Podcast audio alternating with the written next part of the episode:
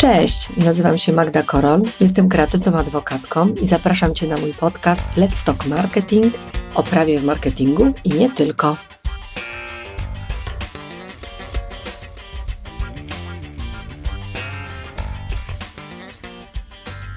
Cześć, witam Cię w kolejnym odcinku podcastu Let's Talk Marketing. Magda Korol o prawie w marketingu i znowu mam gościnię, tym razem Paulę Skrzypecką, kobietę orkiestrę, naszą seniorkę w Creative Legal, którą zaprosiłam i postanowiłam przepytać na okoliczności RODO w agencji. Czy must have, czy niekoniecznie? Cześć Paula. Cześć Magdo. Cieszę się, że mogłyśmy się spotkać. Ogromnie, ogromnie mi miło i bardzo się cieszę, że znalazłeś czas w naszym kancelaryjnym napiętym grafiku. Natomiast zadam Ci od razu przewrotne absolutnie pytanie. Po co wdrażać RODO w agencji?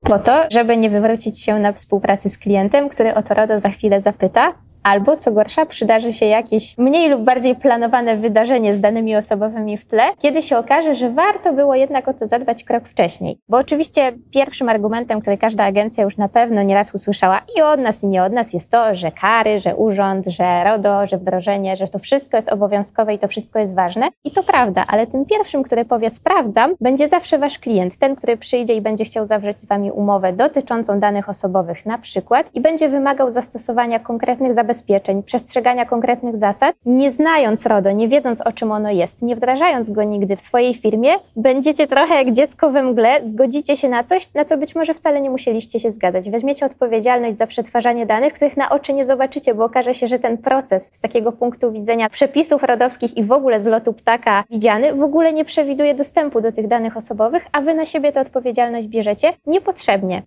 Okej, okay. bo właśnie, bo RODO jest takim trochę kukułczym jajem, muszę powiedzieć, bo nikt tego nie lubi, każdy musi to wdrożyć. Ja sama osobiście, nie wiem, wstyd się przyznać, albo może, dobra, przyznam się, mamy ekspertów w kancelarii. Ja nie lubię RODO, ja jestem chora, jak czytam te formułki, czytam te klauzulki, to jest naprawdę bardzo, bardzo ciężkie, ale świetnie, że to powiedziałaś, że tak naprawdę te kary milionowe, one nie przemawiają do średniej wielkości agencji. One to jest no, mnie to nie dotyczy, jest to po prostu totalna abstrakcja. Tak naprawdę jedyną rzeczą, która ma znaczenie, to jest to, że przyjdzie klient i powie, dzień dobry agencjo, ja żeby skorzystać z Twoich usług, muszę wiedzieć, co Ty będziesz robił z tymi danymi, bo ja już jestem dużym podmiotem i będę już tutaj języczkiem uwagi urzędu i urząd przyjdzie do mnie, bo jestem po prostu w liście 50 czy 100 największych firm w Polsce i co jak co, ale urząd akurat pod tym względem na pewno zwraca uwagę w takich firmach jak Hula Rodo, nie? Mam rację? Zdecydowanie okay. tak. W związku z czym to jest zabezpieczenie to jest polisa przede wszystkim na współpracę z klientem. To jest też pewien wymiar profesjonalizmu agencji. Agencja, żeby świadczyć usługi skutecznie, żeby dalej się sprzedawać, żeby klienci mieli to zaufanie, musi dawać gwarancję, że po prostu działa zgodnie z prawem. I nie tylko w tych zakresach już przećwiczonych 100 razy, jak prawa autorskie, jak rozliczenia, jak faktury. To wszystko mamy już przećwiczone i wiemy co i jak. RODO jest jednym z tych elementów. Też nie ma co specjalnie go tutaj na jakiś piedestał stawiać, bo to jest po prostu jeden z puzli w tej całej układance, który powinien jednak tam się znaleźć. No,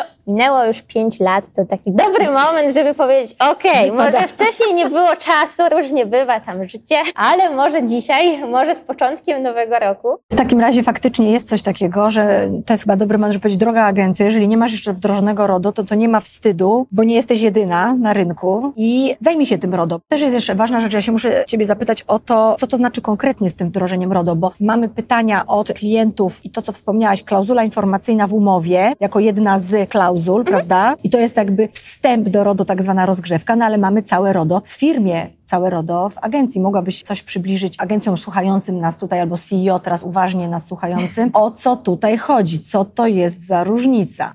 Ja bym podzieliła to wdrożenie RODO na dwa segmenty. Pierwsza rzecz, w kontekście której będziemy mówić o wdrożeniu RODO, to po prostu o wdrożeniu pewnej świadomości i uważności na to, kim my jesteśmy z punktu widzenia przepisów o ochronie danych osobowych, kim my jesteśmy w relacji do klienta, do jakiegoś domu mediowego, influencera, kogokolwiek, kto w tej całej układance występuje, bo bardzo często agencje działają w całkiem skomplikowanym konglomeracie różnych podmiotów. Duża kampania powoduje, że mamy bardzo wielu uczestników tego procesu. Po co brać na siebie ciężar odpowiedzialności za kogoś innego? Lepiej jest wiedzieć, za co ja systemowo i z punktu widzenia przepisów powinienem, powinnam być odpowiedzialna i tego się trzymać. I w ten sposób może za tym podążać świadome kreowanie też tej relacji biznesowej, bo mamy dodatkowy argument wskazujący na to, że powinniśmy daną relację ukształtować tak, a nie inaczej. I trudno będzie naszemu partnerowi czy przyszłemu partnerowi podważyć ten argument, bo on po prostu ma sens. W związku z czym, po pierwsze, świadomość, zwrócenie uwagi na to, gdzie te dane osobowe są, kim agencja jest w relacji do tych danych osobowych, bo w relacji do niektórych będzie ich administratorem, bo to są dane pracowników, w relacji na przykład do danych niektórych influencerów będzie administratorem, bo sama nawiązała z nimi kontakty i ma ich w swojej bazie i wykorzystuje ten kontakt na potrzeby konkretnych zleceń, ale będą też influencerzy, z którymi kontakt wynika tylko i wyłącznie z realizacji jakiegoś zlecenia dla klienta i wtedy być może już tym administratorem nie będzie, więc jak skusi się na jakiś samodzielny kontakt, to może się okazać, że wcale nie była do tego uprawniona. No i influencer bądź agencja go reprezentująca może tutaj zasiać ziarenko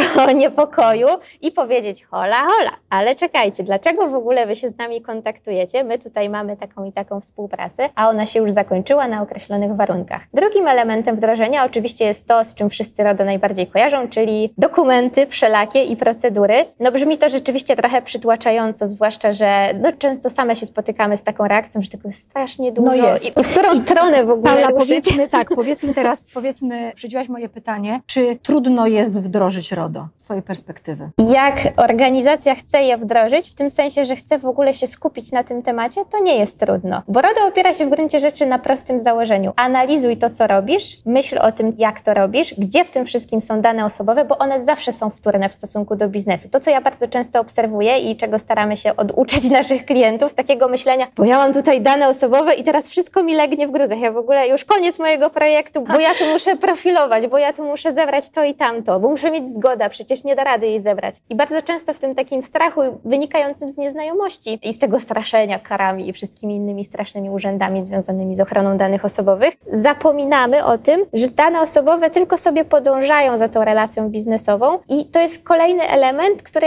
wpisuje się w jakąś strategię. I świadome kreowanie tej strategii to jest po prostu zysk biznesowy na sam koniec, więc uważam, że nie jest trudno wdrożyć RODO pod warunkiem, że rzeczywiście chcemy poświęcić tę chwilę na to, żeby się zastanowić, za co bierzemy odpowiedzialność, za co jej nie chcemy brać i świadomie podjąć te decyzje, a dokumenty są tak naprawdę wykonawczym elementem. Nie przywiązywałabym wagi do nich takiej, że to jest jakiś decydujący moment w życiu firmy, kiedy ten dokument zafunkcjonuje. Ważne jest to, żeby oczywiście go znać i wiedzieć, co tam jest napisane i mieć ten dokument napisany ludzkim językiem i dać przestrzeń też swojemu zespołowi na to, żeby pytać, dlaczego tak, dlaczego inaczej, czy może moglibyśmy to zmienić, bo wiadomo, w każdej procedurze wewnętrznej są elementy sztywne, które po prostu muszą się tam znaleźć, bo takie są przepisy i my je implementujemy, ale są też takie elementy, które wynikają z praktyki, praktyki, która może być dobra, może być zła, na przykład w kontekście zarządzania hasłami i naklejania sobie karteczek z hasłem na monitorze. Ale to wiesz co, ale to dotknęłaś fajnej kwestii, dlatego że tak naprawdę chyba całą rozmowę z agencją o RODO należy zacząć od takiego trochę audytu, czyli jakby, słuchajcie, pokażcie nam, co wam w duszy gra. Swoje towary. Pokażcie, co u was tam w tej trawie piszczy i tak naprawdę my spróbujemy dopasować to tak, żeby jeżeli jesteście zgodni z prawem i to odbywa się na akceptowalnych warunkach, to my wam nie będziemy robić rewolucji w firmie, mhm. tylko w zasadzie my jesteśmy trochę takimi sprzątaczami, jak w Nikicie. Ale nie będzie brutalnie. Nie, nie będzie brutalnie. Dobra, obiecujesz. Dobra, ja też wam obiecuję. Z tego, co widzę, jak te współprace wyglądają, nie są brutalne. Ale dobrze, ja zadam ci, Paula, jeszcze takie pytanie. Słuchaj, jest taka sytuacja, że agencja zebrała kiedyś jakieś dane, no nie ma tego RODO wdrożonego, no jest to pewnego rodzaju złym standardem, ale nie ma tego RODO wdrożonego, zebrała kiedyś jakieś dane, ma jakąś bazę danych. Nie wiemy do końca, mamy zgody, nie mamy, możemy przetwarzać, nie możemy i teraz co z tym fantem zrobić?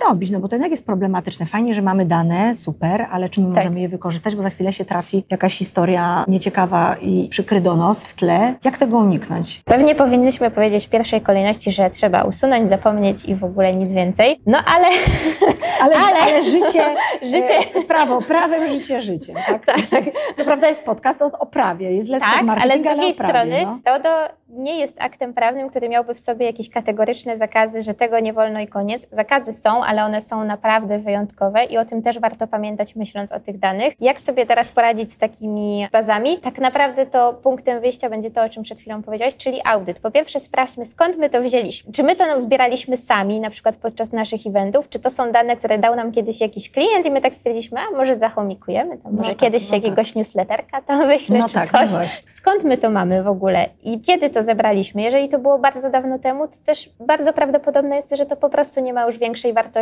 Nie warto być może podejmować ryzyka, żeby po pierwsze to dalej trzymać i zaśmiecać sobie dysk, a po drugie, żeby podejmować jakieś akcje, bo efekt tej akcji może być po prostu bardzo, bardzo skromny, więc jest to ryzyko zbędne. Jeżeli wyjdzie nam, uzbieraliśmy sami niedawno, zgody jakieś były, może nie wszyscy mieli takie same, może nie były idealne, teraz podjęliśmy współpracę z prawnikiem, on nam powiedział, że na to to powinna być taka, a na to trochę inna, no i nasze były takie takie sobie, powiedzmy, okay, okay. no to można spróbować wyjść z tej sytuacji w taki sposób, że po pierwsze ujawniamy się tym osobom, które mamy w tej swojej bazie i mówimy, hej, My jesteśmy my, tak się nazywamy, mamy Twoje dane i co nam zrobisz. No tak, jesteśmy administratorem tych danych, przetwarzamy je tak i tak. I teraz można wyjść z taką propozycją, że jeżeli były wcześniej jakieś zgody zbierane, to odwołać się do tej zgody. Oczywiście trudno będzie przywołać jej jakąś konkretną treść, ale w ogóle złapać jakiś punkt w czasoprzestrzeni, do którego będziemy referować, że stąd i stąd je mamy i założyliśmy, czy też uzyskaliśmy w taki i taki sposób Twoją zgodę, więc teraz byśmy chcieli Ci wysłać coś takiego albo zaprosić Cię do tego. W każdym momencie możesz nam dać znać, że nie chcesz więcej otrzymywać tych wiadomości i oczywiście wtedy z automatu wykreślamy, usuwamy, zapominamy i Okej. Okay. Paula, to powiedz proszę, tak może na podsumowanie, na zakończenie, co zrobić, kiedy przychodzi do nas klient, prawda? Cały czas jesteśmy w tej perspektywie agencyjnej i zadaje trudne pytania o procedury, jak to u Państwa działa i mówi, słuchajcie, jest umowa, proszę mi się tutaj teraz wyspowiadać, bo ja inaczej tej umowy nie podpiszę. No i co? Co zrobić? Podzielmy to na działania, wiesz, rzeczy niemożliwe robimy od ręki, na cuda trzeba będzie chwilę tak. poczekać. I dokładnie I tak zrobimy. Okay. Pierwsza rzecz, którą robimy, najprawdopodobniej, nawet jeżeli nie macie żadnej polityki, żadnych spisanych zasad, żadnych klauzul, najpewniej jakieś zwyczaje dotyczące bezpieczeństwa jednak w firmie funkcjonują. Coś jest zabronione, coś jest dozwolone, macie komputery służbowe, z tym i z tym łączycie się przez VPN okej, okay, w pierwszym rzucie po prostu zbierzcie te wasze praktyki, te wasze zasady, które obowiązują i dotąd wcześniej nikt ich nie napisał, ale to będzie ten pierwszy przełomowy moment, kiedy po prostu one się ukażą na glinianych tablicach. My robimy to, to, to i tamto. Korzystamy z bezpiecznej chmury. Wszystko, co kojarzy się z zabezpieczeniem danych osobowych i powiedzcie wprost klientowi, stosujemy takie i takie zasady. Oto one są. Oczywiście warto nawet na tym etapie już zasięgnąć jakiejś wiedzy, w tym sensie, żeby w ogóle dowiedzieć się, co może być istotne z tego tego punktu widzenia. Co jest istotne, a co nieistotne, bo pewnie ciężko jest to przefiltrować, jak się nigdy nad tym nie pochylało, ale w ogóle zbierzmy coś, co jest, nie oszukujmy, nie zmyślajmy, po prostu zbierzmy te praktyki, które są, bo najczęściej agencje mają jakieś praktyki. To też nie jest tak, że totalnie nic nie ma, nawet jeżeli nie ma na to procedury. Przynajmniej bardzo głęboko w to wierzę i nie zmienię swojego zdania tak ja łatwo. Też to wierzę, ja też to wierzę i wierzę w agencję, absolutnie. Zbierzmy to, napiszmy o tym, dajmy nasze oświadczenie, nasze potwierdzenie stosowanych zasad. Oczywiście klient zawsze może chcieć więcej. No i z tym się trzeba liczyć i w świetle przepisów, które obowiązują, on ma prawo zażądać tego więcej, jeżeli będzie chciał przekazywać agencji jakieś dane osobowe. Ale to jest trochę kupienie czasu na to, żeby zająć się tym tematem na serio, żeby stworzyć te klauzule do umów, żeby zabrać się za to wdrożenie. I znowu na sam koniec o wiele lepiej wypadniemy przyparci do muru, odpowiadając, że procedury są w trakcie wdrażania, niż nie, no wie pan, nigdy nie było w ogóle. Słuchaj, Paula, powiedz najkrótszy czas wdrożenia RODO u nas najkrótszy czas. Myślę, że w tydzień spokojnie się zmieściliśmy okay. najszybciej. I nie była to agencja, co prawda, ale były to całkiem spore podmioty działające mocno online'owo i mocno nowocześnie. Okay. Myślę, że to jest istotne. Tak, rozumiem. Paula, bardzo dziękuję Ci za tę rozmowę. Mam nadzieję, że każdy CEO agencji, który pokusi się o odsłuchanie tego odcinka, wyciągnie z niego naprawdę dużo, a na pewno wyciągnie to, że RODO warto jednak mieć, więc jeżeli przyjdzie sezon ogórkowy, droga agencjo, w którymś momencie bardzo serdecznie zachęcam do pomyślenia o tym zagadnieniu i jednocześnie zachęcam do śledzenia naszego newslettera, bo na pewno będziemy w tym roku pisać jeszcze o RODO, a przede wszystkim zapraszam drogie agencje do tego, żeby zapoznały się z naszym niedawno wypuszczonym artykułem, jak wdrożyć RODO w agencji. To już jest totalna piguła wiedzy, która w połączeniu razem z tym podcastem naprawdę bardzo, bardzo otworzy Wam oczy, że nie taki diabeł straszny, jak go malują. Bardzo jeszcze raz dziękuję, pozdrawiam i zachęcam do subskrybowania, zachęcam też do przesyłania przesyłania tego odcinka znajomym. Tak jest. Musimy tutaj to powiedzieć, że nie bądźcie sami z tą wiedzą, po prostu dzielcie się. tak jest. Także pozdrawiamy i kończymy. Bardzo dziękuję, że dotrwaliście z nami do samiutkiego końca. Bardzo dziękuję. Cześć. Cześć.